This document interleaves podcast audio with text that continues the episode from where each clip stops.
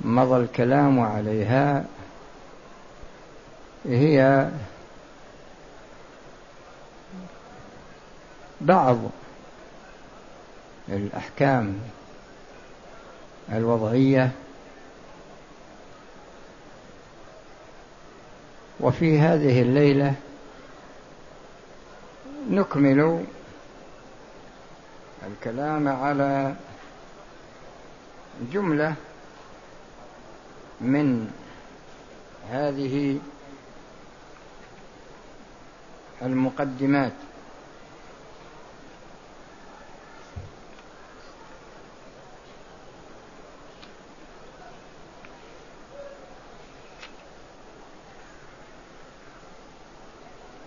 هذه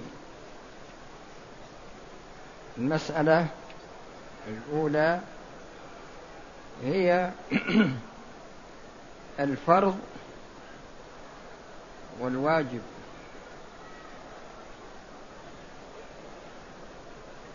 من المعلوم أن الفر أن الواجب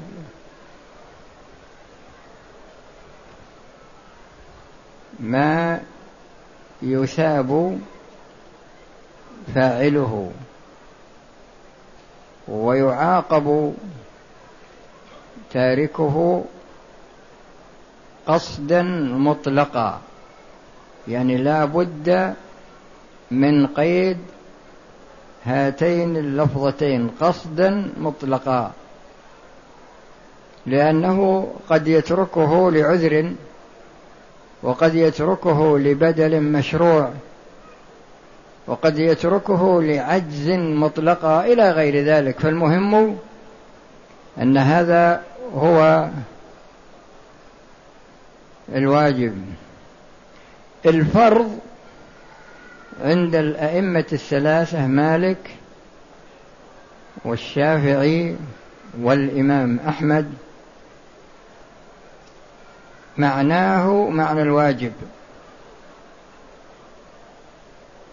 وأبو حنيفة رحمه الله فرق بينهما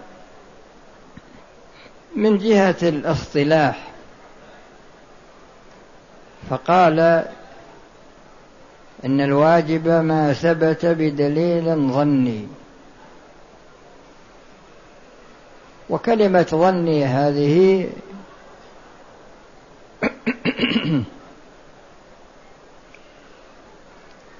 تحتاج إلى نظر من ناحية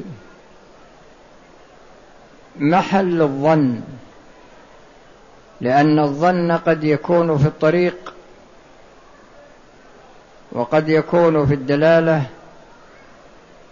وقد يكون في البقاء ففيه ظني الثبوت وظني الدلالة وظني البقاء. فظني البقاء يعني يكون محتملا للنسخ. وظني الدلالة هذا محتمل للتخصيص وللتقييد وللتأويل إلى غير ذلك من وجوه الاحتمال التي ذكرها أهل العلم. وظني الثبوت يعني من ناحية طريقه إلينا. فإذا كان فإذا ثبت بدليل ظني سماه واجبا. وإن ثبت بدليل قطعي قطعي الثبوت قطعي الدلالة قطعي البقاء. قطعي الثبوت وقطعي الدلالة وقطعي البقاء. هذا يسميه فرضا. هذا يسميه فرضا.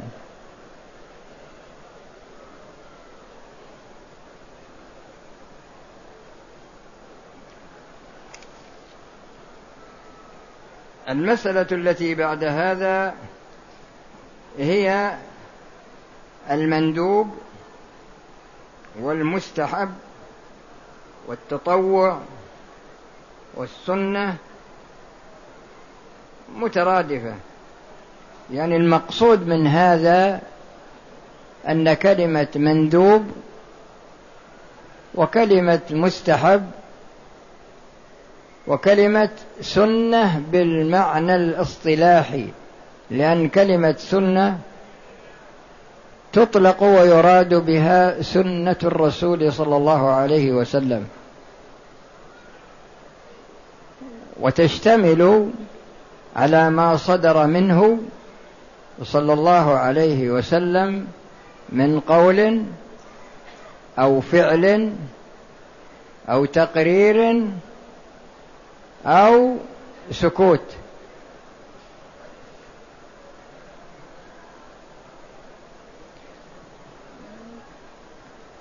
هذه يعني فيه قول في قول وفيه فعل وفيه أيضا كف وفيه أيضا تقرير وفيه سكوت.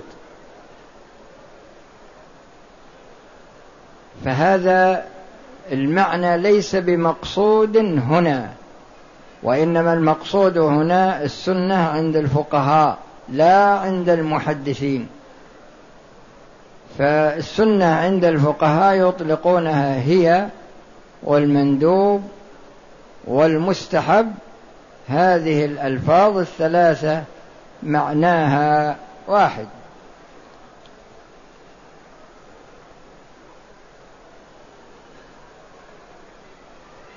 المسألة التي بعد هذا الشخص إذا دخل في النفل سواء كان النفل صياما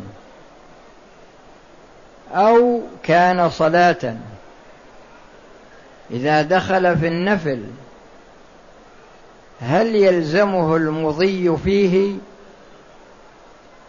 فمن صام تطوعا وأراد قطع الصيام في أثناء النهار هل نقول إن إنه لا يجوز له أن يقطع الصيام؟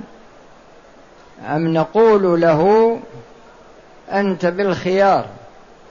إن شئت أن تمضي الصيام فهذا إليك. وإن شئت أن تترك الصيام فهذا إليك. وهكذا في صدقة التطوع. عندما يريد الإنسان أن يتصدق صدقة تطوع فأمر ذلك راجع إليه. إن أراد أن يمضي الصدقة فله ذلك لكن يكون قبل قبض المتصدق عليه. أما إذا قبضها المتصدق عليه تكون قد خرجت من ملك المتصدق وصار ملك المتصدق عليه واقعا عليها. فلا يجوز ولهذا العائد في هبته كالكلب يعود في قيئه. إذا وهكذا بالنظر للهبة هبة له الرجوع فيها قبل القبض لكن بعد القبض لا يجوز له أن يرجع إليها المقصود. أن أن التطوع لا يلزم بالشروع فيه. إذا شرع فيه فهو في الخيار. إن أراد أن يمضي أو أراد أن يتركه. إلا أن فيه مسائل استثناها استثنيت. وفيه خلاف في المذاهب ليس هذا المحل موضعا لتفصيل الكلام عليها لكن نذكر لكم منها الحج والعمرة. فإذا دخل المكلف في نفل حج أو دخل في نفل عمرة فلا يجوز له أن يترك أن يخلع إحرامه ويترك هذه العمرة أو يترك هذا الحج. واستدلوا بعموم قوله تعالى وأتموا الحج والعمرة لله. لكن لو أنه دخل مشترطا قائلا فإن حبسني حابس فمحلي حيث حبستني فإن له الخروج من إحرام العمرة وله الخروج من إحرام الحج إذا وجد ما يمنعه أو أو وجد يعني ما يمنعه من المضي في العمرة ومن المضي في الحج. هذا إذا كان نفلا. أما إذا كان فرضا فإنه أيضا لا يجوز له الخروج منه لتعينه عليه إلا لو عرض له عارض أيضا إذا عرض له عارض من العوارض التي تمنعه تجعله لا يتمكن مطلقا بأي وجه من الوجوه من المضي في العمرة أو في الحج. لكن الغرض هنا ليس الفرض لأن الفرض ليس فيه كلام يجب بالشروع. وهو واجب قبل الشروع أيضا لكن الكلام في النفل. فنفل الحج ونفل العمرة واجبان بالشروع وهذا في جميع المذاهب الأربعة.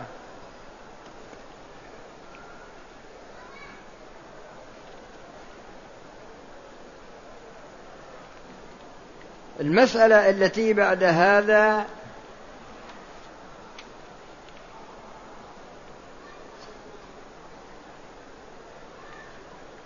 المسألة التي بعد هذا تعريف السبب. ما هو السبب؟ السبب الاصطلاحي لأن في سبب عام كما ذكرت لكم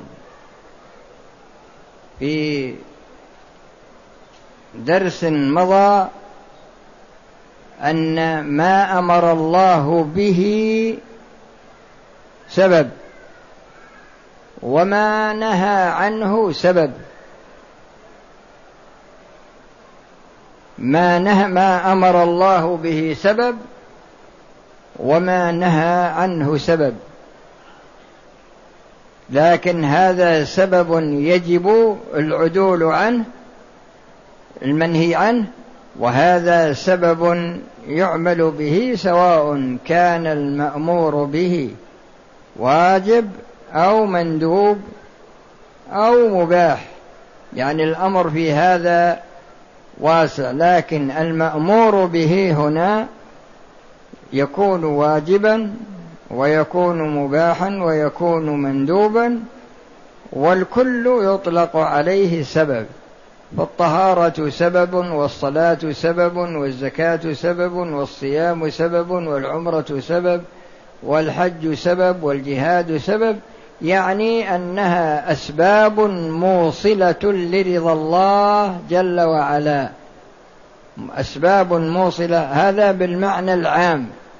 أما بالمعنى الخاص الاصطلاحي الذي عندنا هنا فهو ما يلزم من من ما يلزم من من وجوده الوجود ومن عدمه العدم لذاته. ما يلزم من وجوده الوجود ومن عدمه العدم لذاته يعني لا لأمر خارج لأن إذا وجد أمر خارج ما ما هو محل الكلام لكن ما يل ما يلزم من وجوده الوجود ومن عدمه العدم لذاته. فإذا نظرنا إلى تمام النصاب. تمام النصاب. ونظرنا لتمام الحول مثلا. ونظرنا لتمام الحول. إذا تم الحول على النصاب نقول يلزم من وجوده الوجود ومن عدمه العدم لذاته بمعنى أن الزكاة واجبة في المال. تم الحول وتم النصاب.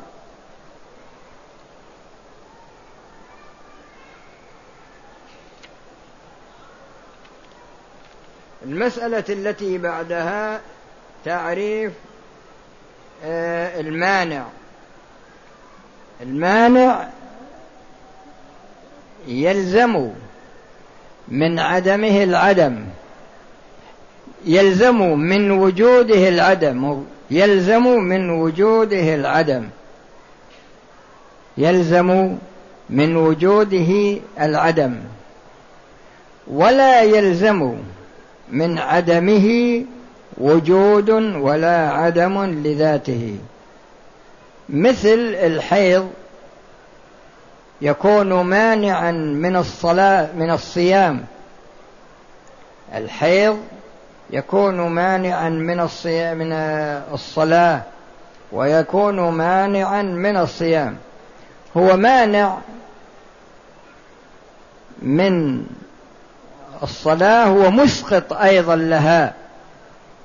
بمعنى أن المرأة لو صلت وهي حائض فإنها وهي عالمة فإنها تكون آثمة ولا تصح صلاتها. ولو صامت وهي حائض فإن صيامها لا يكون صحيحا.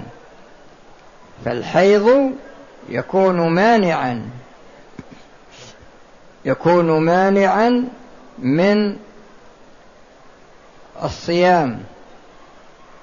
ويكون مانعا من الطواف أيضا لكنه لا يمنع من الإحرام إنما يمنع من الطواف سواء كان الطواف للحج أو كان الطواف للعمرة أو كان طواف تطوع.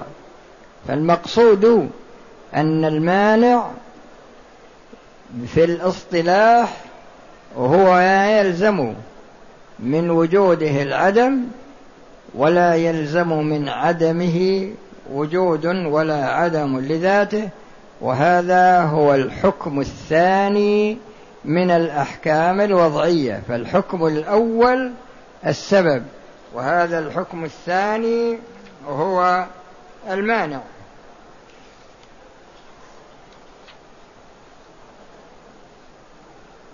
بعد هذا المسألة التي بعد هذا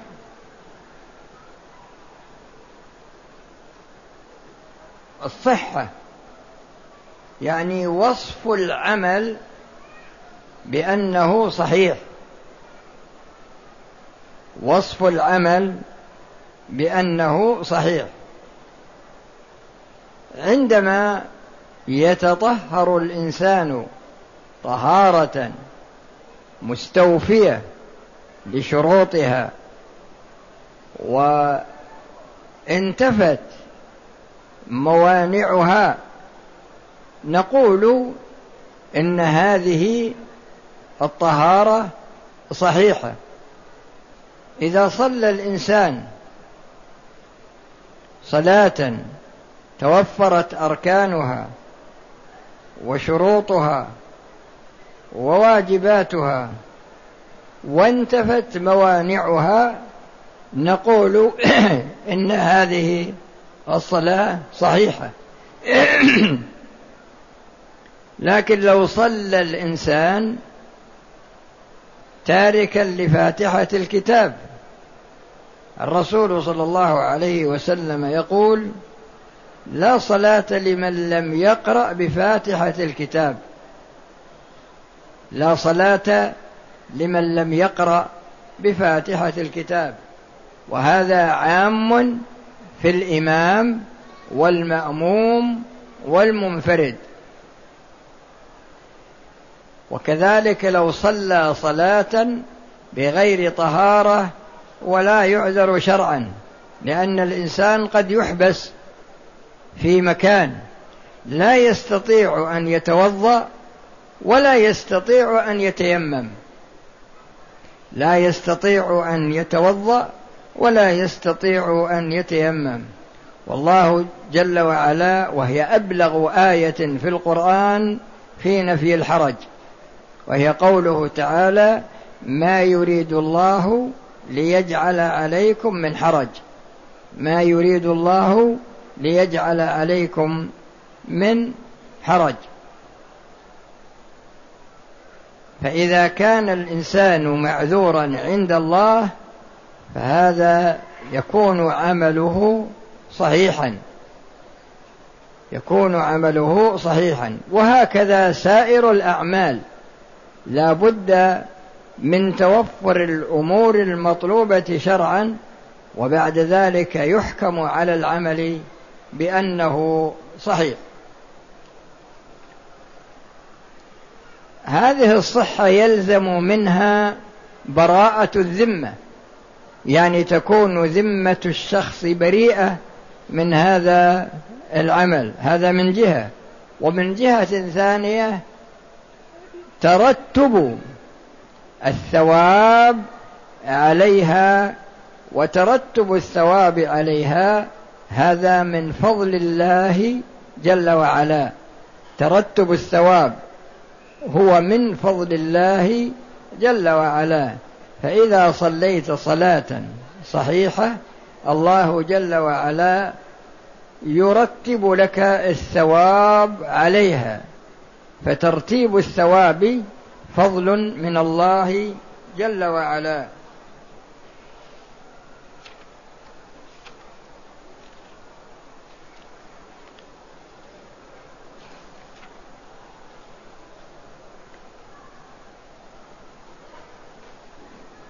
هذا بالنظر إلى الصحة في باب العبادات. أما بالنظر للصحة في باب المعاملات وفي باب الأحوال الشخصية. فالمقصود منها أن يترتب الأثر لأن العقد سبب بالمعنى العام. فجميع العقود الموجودة في الشريعة هي عبارة عن أسباب. فعقد البيع سبب وعقد السلم سبب وعقد الإجارة سبب. ولا فرق في ذلك بين العقود المفردة والعقود المركبة. العقود المفردة التي تكون من جهة واحدة والعقود المركبة التي تكون من جهتين.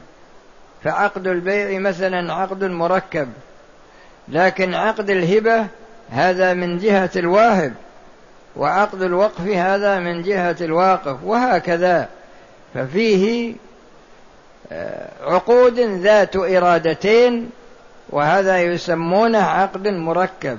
وفيه عقود ذات إرادة واحدة وهذه يسمونها عقود مفردة فجميع هذه العقود يقال عنها إنها أسباب. فيترتب أثر هذا السبب عليه. فعقد البيع يترتب عليه أمران. الأمر الأول انتقال المبيع من البائع إلى المشتري. والثاني استحقاق البائع للثمن في ذمة المشتري. سواء كان الثمن حالا أو كان الثمن مؤجلا. سواء كان الثمن حالا أو كان الثمن مؤجلا. وبعد ذلك المشتري ينتفع بالمبيع والبائع ينتفع بالثمن. ففيه تملك من جهة وفيه استحقاق الانتفاع من جهة أخرى.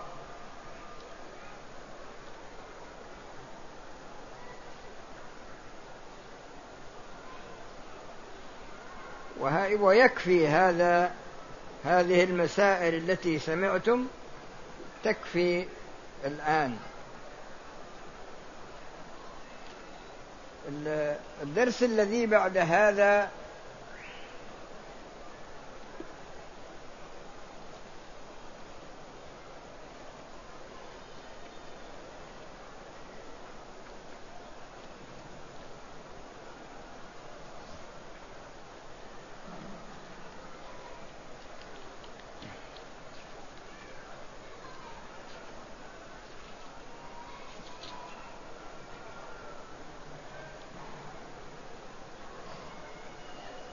المقصود الدرس الآن الكلام هذا في تخريج الفروع على قواعد الأصول لأن التخريج تارة يكون على قواعد الفقه وعلى الضوابط الفقهية وعلى قواعد مقاصد الشريعة وعلى قواعد الأصول وعلى الفروق. الفروق يعني هذا نوع من أنواع التخريج التخريج على القواعد وكذلك التخريج على الفروق سواء كانت هذه الفروق بين قواعد الأصول أو قواعد الفقه أو قواعد المقاصد أو فروق بين الضوابط الفقهية. لكن هذا الكتاب هو في نوع وهو تخريج الفروع على القواعد الأصولية. وسبق الكلام على مسألة من المسائل. سبق الكلام على مسألة من المسائل. وفي هذه الليلة نتكلم لكم على مسألة أخرى. هذه المسألة نصها كما هنا العلة القاصرة. صحيحة. عندنا يعني عند الشافعية. باطلة. عند أبي حنيفة رضي الله عنه.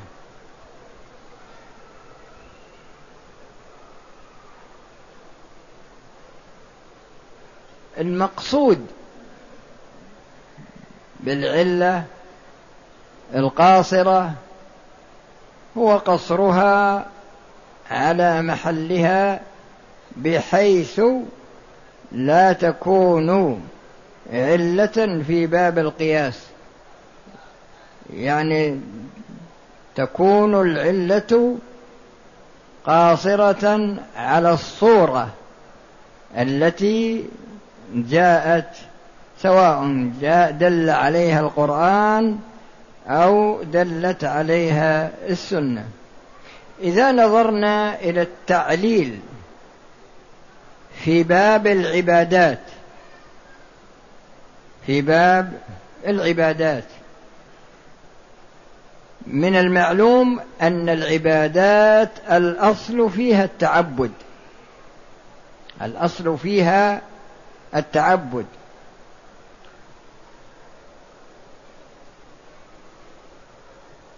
هذا هو الأصل. لكن قد يختلفون في بعض المواضع من العبادات أنه لا يقصد فيها التعبد. فمثلا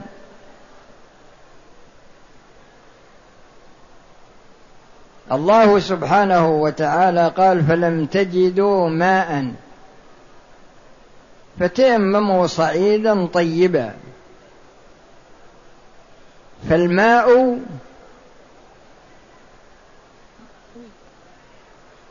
يتوضأ به ويغتسل به. لكن هل الاغتسال به والوضوء به من جهة وصفه بالماء يعني لأنه ماء أو لأنه مائع. إن قلنا لأنه ماء قلنا لا يجوز التوضؤ بغيره. وإن قلنا إنه مائع قلنا التوضؤ يجوز بالمائعات الأخرى. مثل ما يتوضأ الإنسان بالنبيذ. ما وجد ماء لكن يتوضأ بالنبيذ أو غير ذلك من المائعات. فعندما نقول العلة قاصرة هنا نقول إنها قاصرة على وصفه بكونه ماء. وإذا قلنا إنها متعدية نقول إن بصفة هذه المادة مائعة لا بصفة كونها ماء. فأبو حنيفة رحمه الله توسع في بعض المسائل في باب العبادات لكن بنى على أنه لم يقصد فيها التعبد. لم يقصد فيها التعبد. يعني يعلل يعلل بعلة تشعر بأنه لم يقصد فيها يعني التعبد بهذا اللفظ مثلا أو بهذا العمل. ومثل ما يقوله في لفظ التسليم من الصلاة فإنه يرى الخروج من الصلاة بأي تصرف مناف للصلاة. لأنه يقول ما قصد لفظ السلام وإنما قصد الخروج من الصلاة فلو خرج من الصلاة بأي تصرف بأي لفظ